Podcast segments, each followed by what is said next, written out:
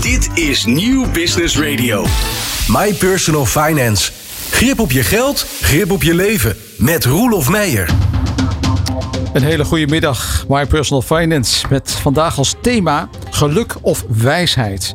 Kun je inspelen op bewegingen van buitenlandse valuta's bijvoorbeeld, eh, zoals het Britse pond? Hoe ga je om met ontwikkelingen op de financiële markten? En hoe reageer je überhaupt op allerlei maatschappelijke golven? Mijn gasten vandaag: Willem Johannesma van Oak Capital Partners, Marcel Spy van het Instituut voor Bedrijfsovername, Fred van der Stappen van Geld voor elkaar en Raymond Mars van de Stichting Register Executeur. Willem, ja, ik begin altijd bij jou, hè? Dus Ja, eh, ja. wat, wat Ook wordt jouw.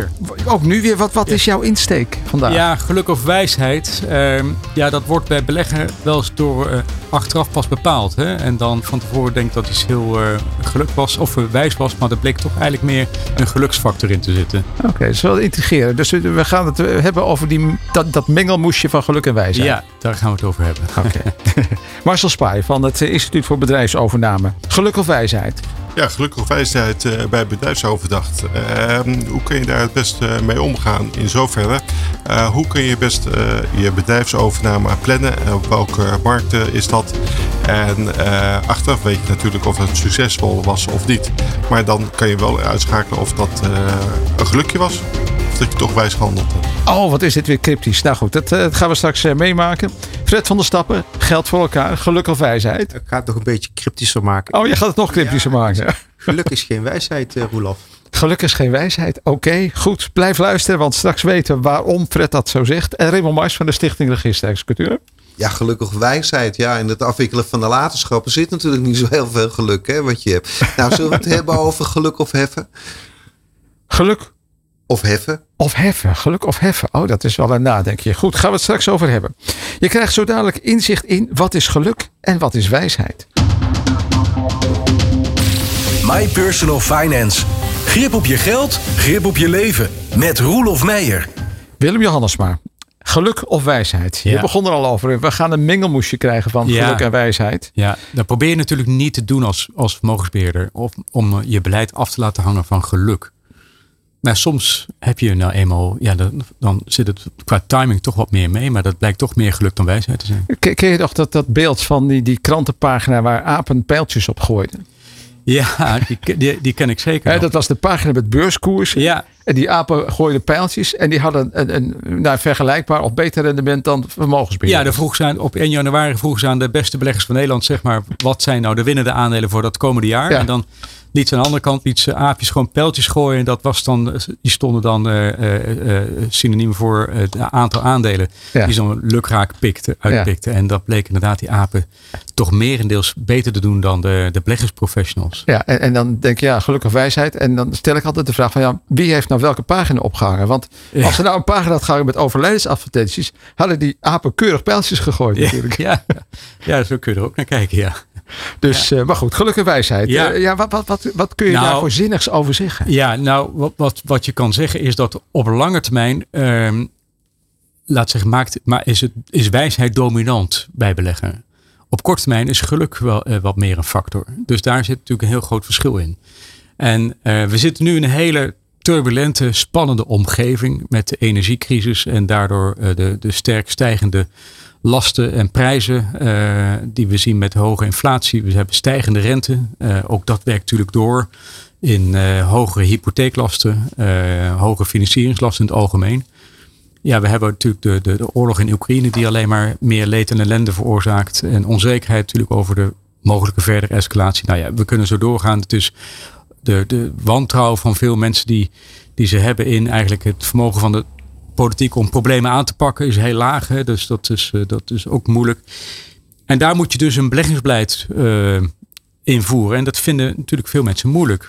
Dat, Maar- dat is lastig, want eh, een vraag die ik dan krijg nu is, moet ik uitstappen? ja, En- Ja. En dan doe ik een klein beetje, denk, doe ik een klein beetje denken wat je nu zegt over geluk.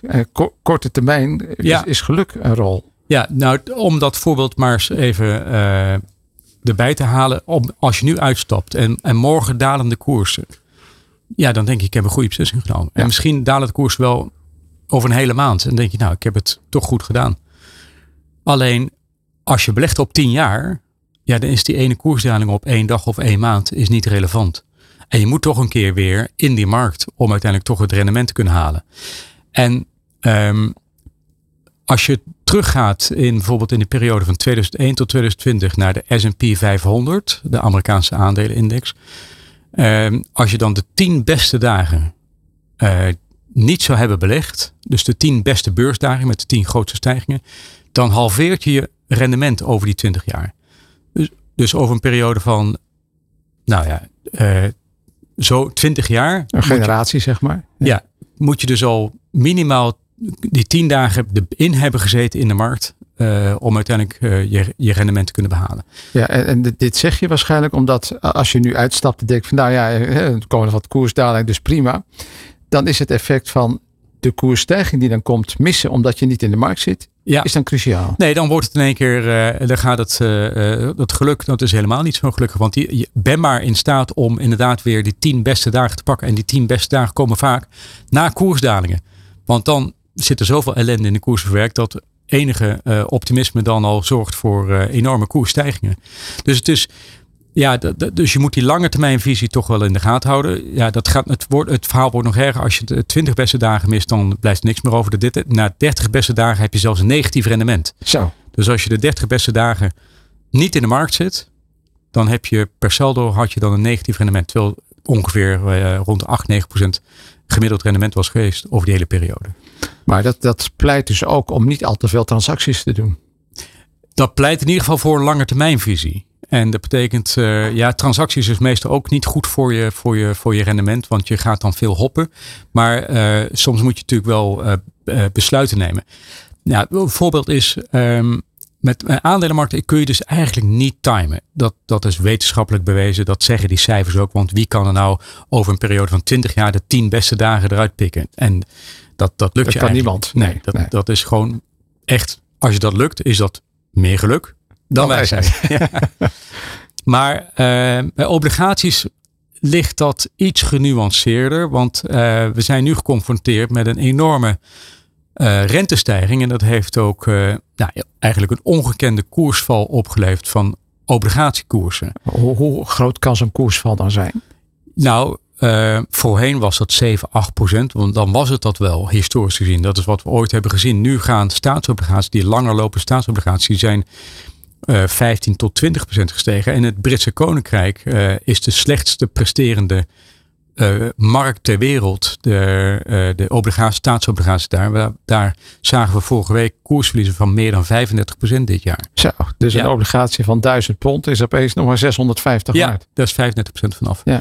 Dus dat is. Uh, en uh, het timer daar is, is natuurlijk. Wie, wie, had dat zien aankomen op zichzelf? Maar we kwamen daar wel in, in, uit een situatie van ongeveer 0 tot negatieve rentes.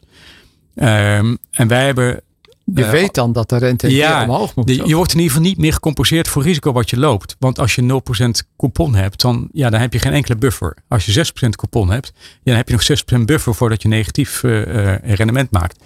En we hebben bijvoorbeeld zelf in uh, 2000, januari 2021 hebben wij de looptijden scherp verkocht en, en uh, ook inflation-linked bonds opgenomen. De je zegt de looptijden is sterk verkort. Dat betekent dat je obligaties neemt van een jaar of twee, drie? Ja, ja vier, vier vijf ja. Uh, inderdaad. Uh, in plaats van acht, negen, tien. Ja. dat, dat was eigenlijk, de wijsheid was omdat je risico te groot werd op die portefeuille, gegeven die lage rentes. Het geluk was dat de timing heel goed was. Want dat wisten wij natuurlijk ook niet. Nee. Nee, maar de wijsheid hierin is wel van je ziet dat, die, dat rente-effect, dat de rente bijna nul is. Ja. Dus je weet dat je buffer klein is. Ja, en gaat die naar min 5 die rente. Hè? Dat ging niet nee, gebeuren. Dat, dat gebeurt dus niet. Nee. nee. Dus daar reageer je dan op. Precies. De, dus toen hebben we gezegd van ja, er, er, is een moment dat eigenlijk je niet meer beloond wordt voor het risico wat je loopt. En dat is bij obligaties, ja, als de rente nul of negatief is, word je niet meer beloond voor het risico wat je loopt. Want je hebt nog altijd daar looptijdrisico, een debiteurrisico, in mindere mate valutarisico. Ja. Oké, okay, dus, dat, dat, dus dat kun je beredeneren. Ja.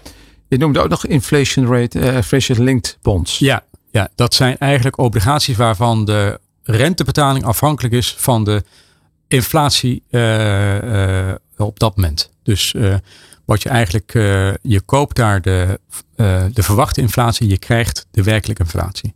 Dus als die werkelijke inflatie hoger is dan de verwachte inflatie, dan stijgen die in waarde. Ja, dus dat is wel een mooie bescherming. Ja. Alleen als je dit zo schetst, ook van obligaties. Obligaties worden gezien als risicomijdend. Hè? Dus een bewegelijkheid die nog binnen de perken moet blijven. Ja, binnen de perken is geen 35%, maar meer die 8% die je noemt. Hoe, hoe, kun je dan nog risicomijdend beleggen met obligaties? Ja, dat is, dat, dat is ook dit jaar echt, uh, laat zeggen, het moeilijkste van, van, van de hele beleggingsmarkt. Dat met name in de defensieve sfeer, waar inderdaad obligatie een grote rol speelde, ja, eigenlijk de verliezen disproportioneel groot zijn door die stijgende rente. Nou is wel bij obligaties zo dat ja, dan, dan, dan heb je de pijn nu in de koers, maar je krijgt natuurlijk wel nog je geld terug vanuit de hoofdsom. Als het goed is. En bij staatsobligaties kun je er wel van uitgaan. En je krijgt nog wel, uh, zeker bij herbelegging nu, krijg je toch nog coupon nu. Hè? Dus ja, maar dan moet je wel in de obligatie zelf zitten. Ja. En niet in een beleggingsfonds. Nee, maar die hebben dat wel ook in zich natuurlijk. Die krijgen ook gewoon hun geld wel terug. Dus daar zit anders dan bij aandelen. Die, die, ja, daar, daar, daar, is die, die, dan kan het wat langer duren. Bij obligaties lopen die op verliezen wel een keer weer in. Dus wat je zegt, van nou ja, het, het, fluctueert wel, maar als je tijd van leven hebt, dan valt het wel mee en dan is het toch wel risicomijdend. Ja, alleen dat is een, natuurlijk wel een, een, dus een hard gelach voor. prettige boodschap. Nee, nee, nee, nee, want het is op dit moment uh, toch wel, uh, die verliezen zijn er nou eenmaal en dat kun je niet meer uh, zomaar weghalen. Dus, dus, dus wat doe je nou in zo'n geval? Je hebt gezegd van nou, we gaan die looptijd verkorten, dus daarmee haal je al wat risico eruit. Maar wat, wat doe je vandaag de dag? Ja, je kunt niet heel veel doen. Hè? Dus je moet ook op een gegeven moment door die, door die, door die pijn heen. Je kunt niet verliezen die er nu al zijn, kun je niet meer veranderen. Uh, wat we meer hebben gedaan, ook in het verleden, is dat een, een deel van onze portefeuilles, die beleggen wij ook in wat wij noemen skills. En dat zijn beleggingen die een ander risico of ander rendement hebben, maar niet een ander risico. Dus ook met lage risico's toch nog steeds rendement kunnen maken, wat niet afhankelijk is geweest van de rente. En dat helpt. Dat helpt ook. Dus, dus andere instrumenten die je eigenlijk inzet ja. om toch dat risicomijdende waar het hoort in de portefeuille ook uh, gestalte ja. te geven. Dus meer spreiden. Dus ook naast je obligaties, naast je aandelen ook meer, meer spreiden. Prima. Willem Johannesma van Ook Capital Partners. My Personal Finance. Grip op je geld, grip op je leven. Met Roelof Meijer. Geluk of wijsheid? Fijn dat je luistert naar My Personal Finance. Marcel Spy van het Instituut voor Bedrijfsovername. Uh, Marcel, geluk of wijsheid bij een bedrijfsovername? Je, had al een tipje van de sluier wat je oplichtte. Ja, geluk of wijsheid uh, bij bedrijfsoverdracht is... Uh, daar kun je een aantal ehm, ja, statements bij, bij, bij denken. bijvoorbeeld als je de prijs heel hoog wil zetten... Uh, stel dat, je dat gaat, is interessant. Als ik als verkoper de prijs heel hoog wil zetten. Als je het maximale eruit wil halen. Ja. En als je denkt van ik uh, heb een bedrijf met een bepaalde bedrijfsomvang, een bepaalde winst. En ik wil bijvoorbeeld uh, tien keer IBDA hebben. Terwijl de markt bijvoorbeeld zes keer geeft. Dan kun je hem op die manier in de markt zetten. en wellicht dat iemand aanslaat.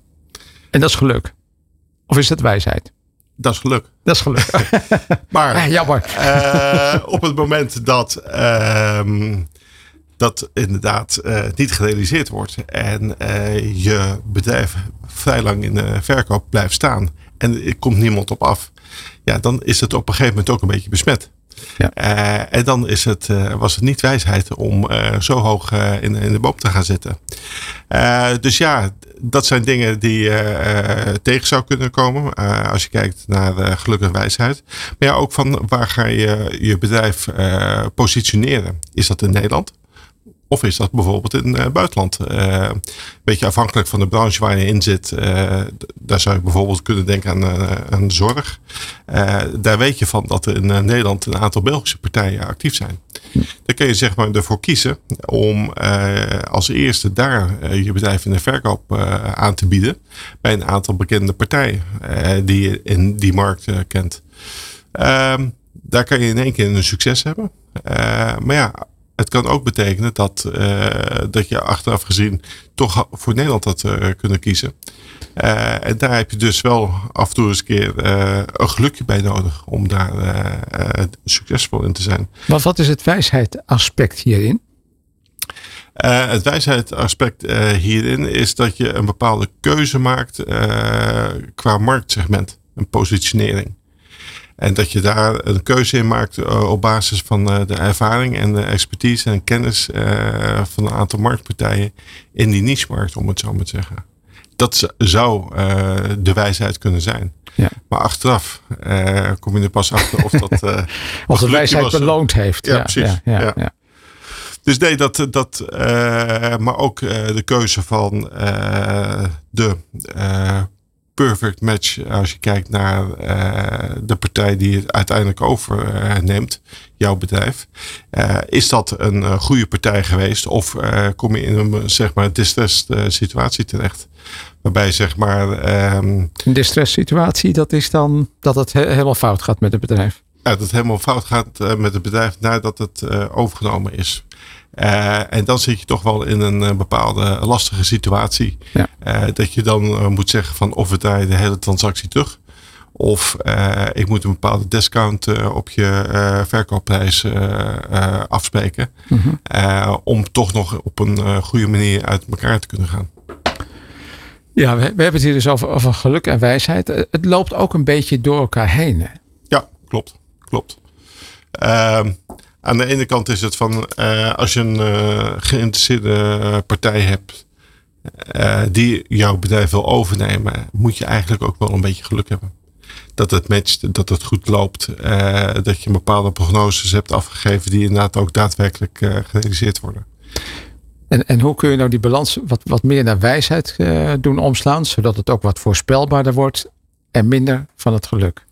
Ehm, door zeg maar eh, conservatief en reëel een aantal, eh, bijvoorbeeld een vraagprijs vast te stellen.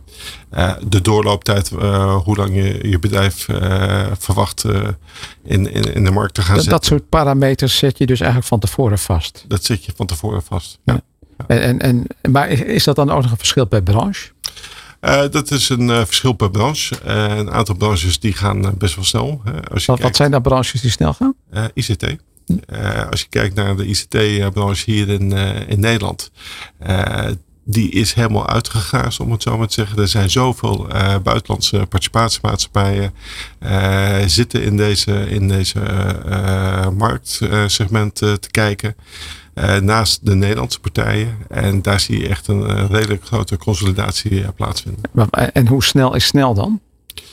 Eh, daar kan een eh, bedrijfsovername eh, binnen vier, vijf maanden gerealiseerd zijn. Afhankelijk van het feit of een bedrijf zeg maar eh, verkoop klaar is. En als je zo'n ICT-onderneming dan aan het verkopen bent, nou ja, dan, dan zet je zo'n parameter. En zet je die dan op bijvoorbeeld een, een half jaar of zet je die op drie maanden? Dan zet je hem in principe op een half jaar, want je hebt ook een boek, boekonderzoek en ga zo maar door. En dat kost iets meer tijd. En wat zijn nou de trage branches? Eh, trage branches kunnen zijn, eh, even kijken, eh, gezondheidszorg. Eh, logistiek is een best een redelijk snelle branche. En, de foodsector. En je zei net van nou eh, ook even over de landsgrenzen heen kijken, zoals met zorg naar België.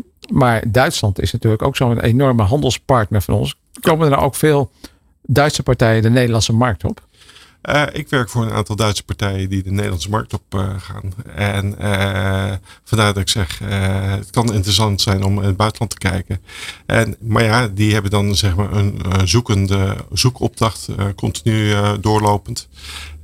En je ziet veel Nederlandse partijen die nu ook naar de Duitse markt gaan kijken omdat in Nederland voor hun zeg maar, deelneming de markt klein is en dat ze zoeken naar add-ons. Oké, als- als je dit, dit samenvat in het kader van geluk of wijsheid. eh, ja, wa- wat, wat is dan die wijsheid ten aanzien van een bedrijfsovername? Als je dat in één zin zou zeggen. Ehm, het positioneren van het bedrijf. En je hebt een gelukje als het een buitenlandse partij is. Marcel Spaar van het Instituut voor Bedrijfsovername. My Personal Finance. Grip op je geld, grip op je leven. Met Roelof Meijer.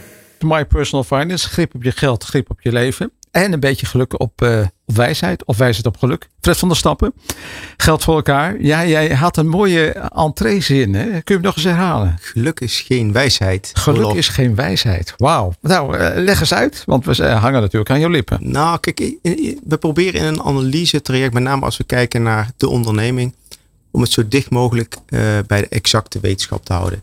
Uiteindelijk zijn de feiten die, die, die daar tellen.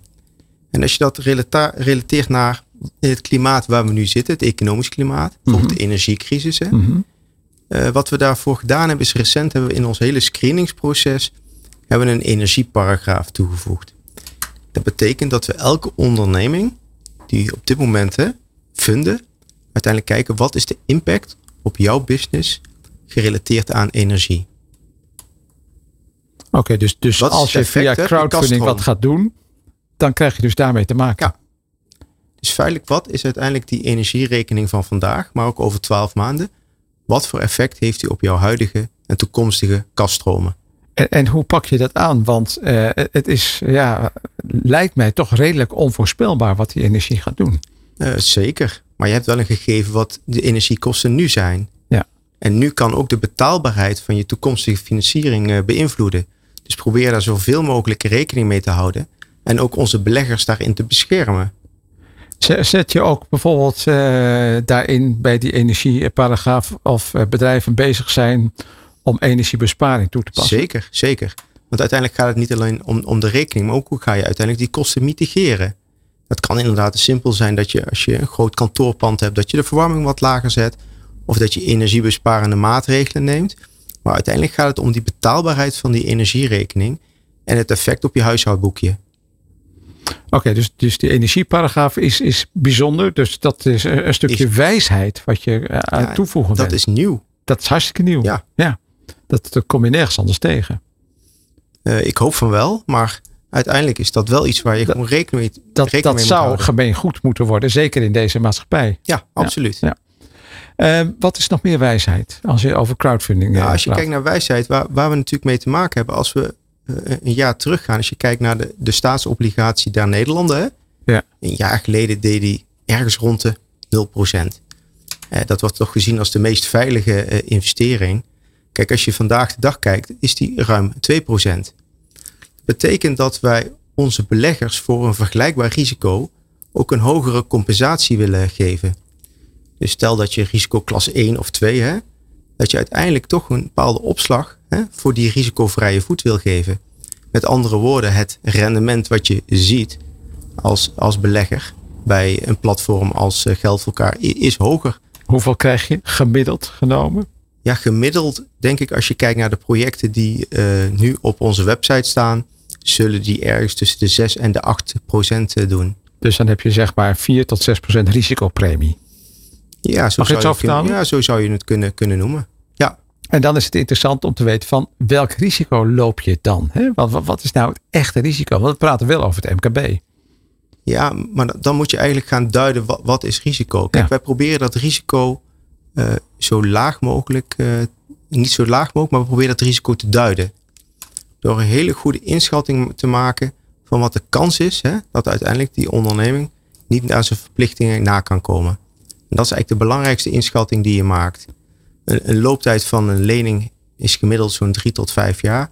Je probeert die inschatting zo goed mogelijk eh, te doen. En dat probeer je te klassificeren. En daar probeer je een premie aan eh, te hangen.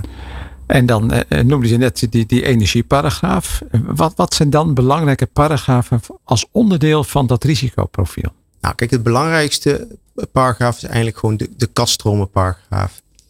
Hoe robuust zijn je kaststromen? En kun je uiteindelijk die nieuwe verplichting die je aangaat, kun je die uiteindelijk dragen als onderneming?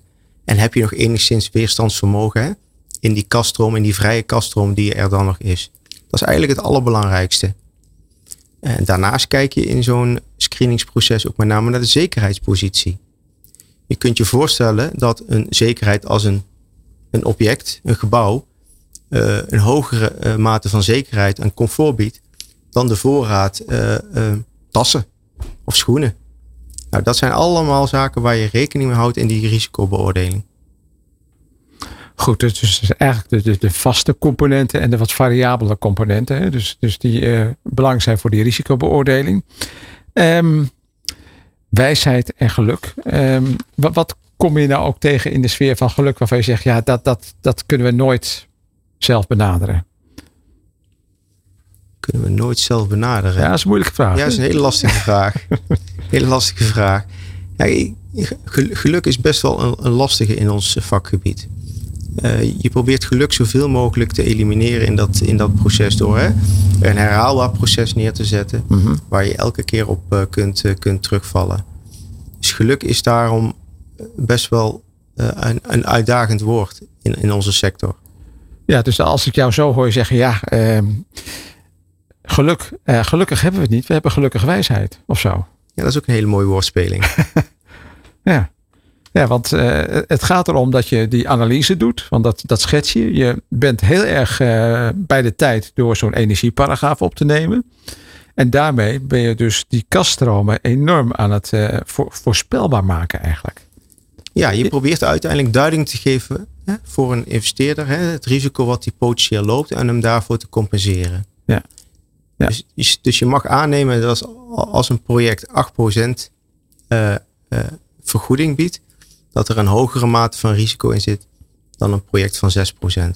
Dus die risico-rendementbalans, die moet er eigenlijk altijd zijn.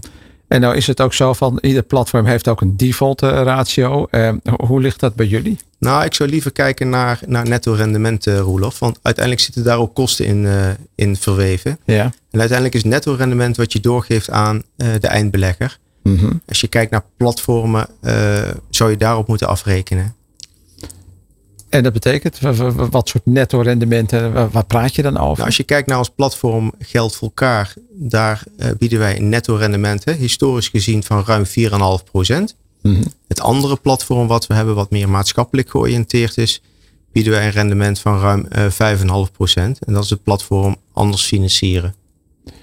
Oké, okay, en, en dat rendement, met welke spreiding van projecten kun je dat een beetje benaderen? Nou ja, kijk, dit is over de hele portefeuille. Ja. Dus we hebben zo'n ruim 450 miljoen gefinancierd. Mm -hmm.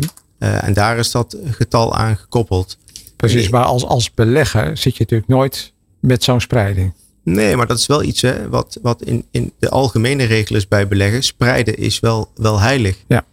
Dus je kunt beter als je uh, uh, 10.000 euro te besteden hebt, dat opknippen in uh, investeringen van 1000 hè, dan één van 10.000. Volgens ja, mij is dit ook een wijsheid. Ja, zeker. dat ja. Is, absoluut. Ja, nou. want, want, spreiding betekent het risico beperken. En dan kun je dus beter dat netto rendement benaderen waar jij het nu over hebt. Absoluut. Nou, ja, volgens mij heb je echt uitgelegd wat, uh, wat je met je eerste zin bedoelde. Geluk is uh, geen wijsheid. Graag gedaan. Oké. Okay. Fred van der Stappen, geld voor elkaar. My Personal Finance. Grip op je geld, grip op je leven. Met Roelof Meijer. Wijsheid of geluk. Raymond Mars van de Stichting Register Executeur. Daar heb je vast wel uh, over nagedacht. Ja, nagedacht wel. het, maar heb je ook een antwoord? De, de, oplossing nog niet. Ja, nou, waar gaan we het vandaag over hebben? We gaan het vandaag hebben over um, een beetje navolging van, uh, van Prinsjesdag. Ik ga het vandaag hebben over de bedrijfsopvolgingsfaciliteit. Oftewel de BOF. Uh, en die wordt ook wel de bedrijfsopvolgingregeling genoemd. Oftewel de BOR. Dat is namelijk hetzelfde. En dat zijn twee fiscale faciliteiten. Eentje in de inkomstenbelasting en eentje in de successiewet, oftewel de schenk- en erfbelasting. En dat zijn uh, regelingen waar je een beroep op kan doen op het moment dat het bedrijf om niet, dus zonder dat daar een tegenprestatie tegenover staat, uh, overgaat op bijvoorbeeld een erfgenaam of aan iemand aan wie je het schenkt. Zo, Raymond. Nou, dat is een hele mond vol als, als introductie. Wat ja. houden de regelingen? Ik vind het wel mooi, BOF en BOR. Ja. Ja. Ja. Wat houden ze in? Nou, wat, wat ze precies inhouden, dat gaan we niet redden. Maar op hoofdlijnen komen we een heel eind. Um, en de reden waarom ik het er nu over ga hebben, dat is dat ze al enige tijd ter discussie staan. He, de, de, de, je moet het zo zien dat um, de wetgever, dat gaat terug tot aan de Romeinen. Hè, want de regeling zoals we hem nu kennen is dan iets, iets jonger, 1956, maar het gaat ver terug. Um, dus we kennen wel 2000 jaar. Zo ja, je, je, moet je eigenlijk voorstellen hè, dat, dat um, uh, uh, successierecht, schenk- en erfbelasting, dat is, dat is duizenden jaren oud. Dat, dat, dat gaat heel ver terug. En wat men eigenlijk wil voorkomen, dat is dat je hebt een, een boer, de oude boer gaat dood, die had één koe. En dan kan je bij jezelf zeggen, nou om de belasting te betalen, huppakee, koe naar het slachthuis, maar dan geeft hij geen melk meer. En dus dat, dat is wel de achterliggende gedachte. Hè? Hoe kunnen we um, de boel in stand laten, dat Mhm. het eigenlijk wel nog een productiefactor blijft. En dat is dus de basis achter de BOF en de BOR. En het punt is dat we um, toch een tendens hebben dat we uh, van inkomen naar vermogen willen belasten. Ontkom je niet in de schenken- en erfbelasting ook. En er is ook onderzoek geweest waarvan ze eigenlijk zeggen: ja, uh, is die vrijstelling niet wat te ruim? Ja, dat is hartstikke ruim. Hè? Dus, uh... Nou ja, dat hangt er een beetje vanaf aan welke kant je staat. Maar ik zal het even duiden met een voorbeeld. Kijk, we, hebben, we hebben Bert en die heeft een BV, de Bert BV. En de koning concernwaarde van de Bert BV die is 2 miljoen. Nou, Bert is gescheiden, heeft twee kinderen. En die zijn elk erfgenaam voor ieder voor een gelijk deel. En verder is er geen bezit. Nou, Bert overlijdt op enig moment. En Bert heeft die aandelen ooit voor 10.000 euro gekocht. Bij oprichting, whatever. De aanmerkelijk belangheffing, die vinden we in de inkomstenbelasting. Die gaat over de vermogenswinst eigenlijk die je maakt. Die claim die ligt aan Bert. Uh, die, die is, als je hem snel uitrekent, uh, 535.000. Dus box 2 is dat, hè? Dat is box 2. Ja. En dan resteert er voor ieder erfgenaam 732.500. Als ik daar de erfbelasting overneem, hebben we 129.160 per erfgenaam. Zo, nou, dat is uh, best wel een hoop. Ja, dat is best wel een hoop. Maar je moet, je moet wel goed realiseren dat die IB-claim van die 535, dat is de grootste hap. Die, dus de inkomstenbelasting box, box 2? Ja, box 2. Hè, dat, ja. is, dat is de grootste hap die erin zit. Ja, ja, weet je, dat, dat, dat is eigenlijk gewoon bruto geld wat, wat Bert achtergehouden heeft. Mm -hmm. Voor de rest zie je dus dat uh, die schenk- en erfbelasting, als je het uitrekent, ongeveer 17% is. Als je het doortelt. Uh, uh, over de verkrijging van, uh, van de erfenbed.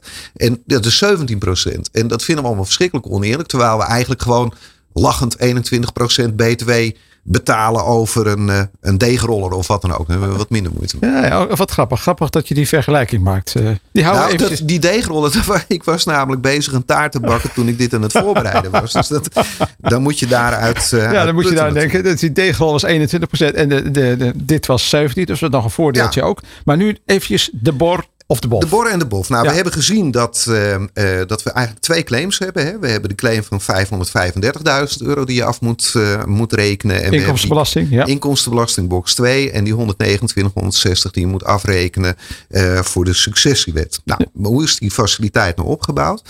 Voor de inkomstenbelasting bestaat de mogelijkheid om hem door te schuiven. Dus je komt er niet van af, maar je schuift hem door. Uitstellen dus? Je stelt hem feitelijk uit en daarmee behoud je je liquiditeit natuurlijk. Nou, dat mm -hmm. is voor die 5,35 best wel de moeite waard. En um, uh, in de schenk- en erfbelasting hebben we een vrijstelling van 1.134.403. Dus ruim een miljoen. En vrijstelling is geen uitstel, maar is niet betalen. Nou, toch? Ik nuanceer het oh. iets, maar het is in principe niet betalen. En 83% vrijgesteld over het meerdere. Hè? Want we hadden de Bert BV was 2 miljoen. Ja.